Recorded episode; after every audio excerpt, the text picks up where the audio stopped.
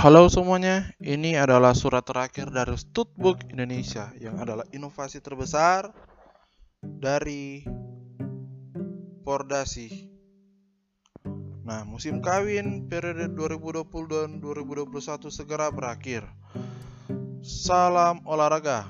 Sesuai peraturan 4A tanggal 1 Juni 2020 bahwa musim kawin ditetapkan mulai tanggal 1 September sampai dengan 31 Mei tahun berikutnya.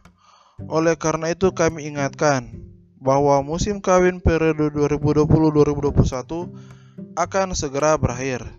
Terhadap hal tersebut dapat kami informasikan sebagai berikut.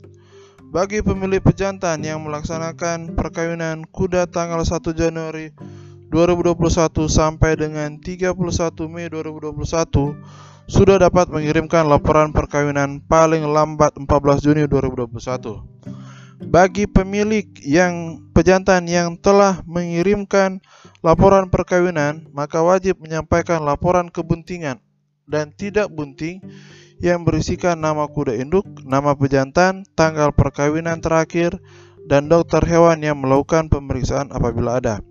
Laporan kebuntingan atau tidak bunting tersebut disampaikan selamat-lambatnya 60 hari setelah perkawinan terakhir dilaksanakan.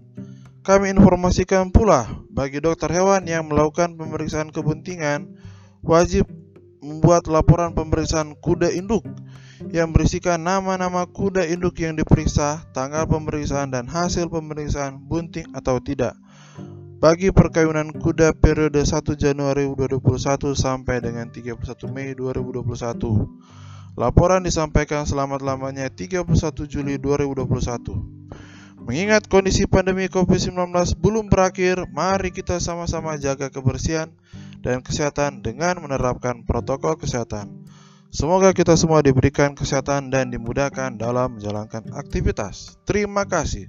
Studbook Indonesia diperbarui pada tanggal 25 Mei 2021.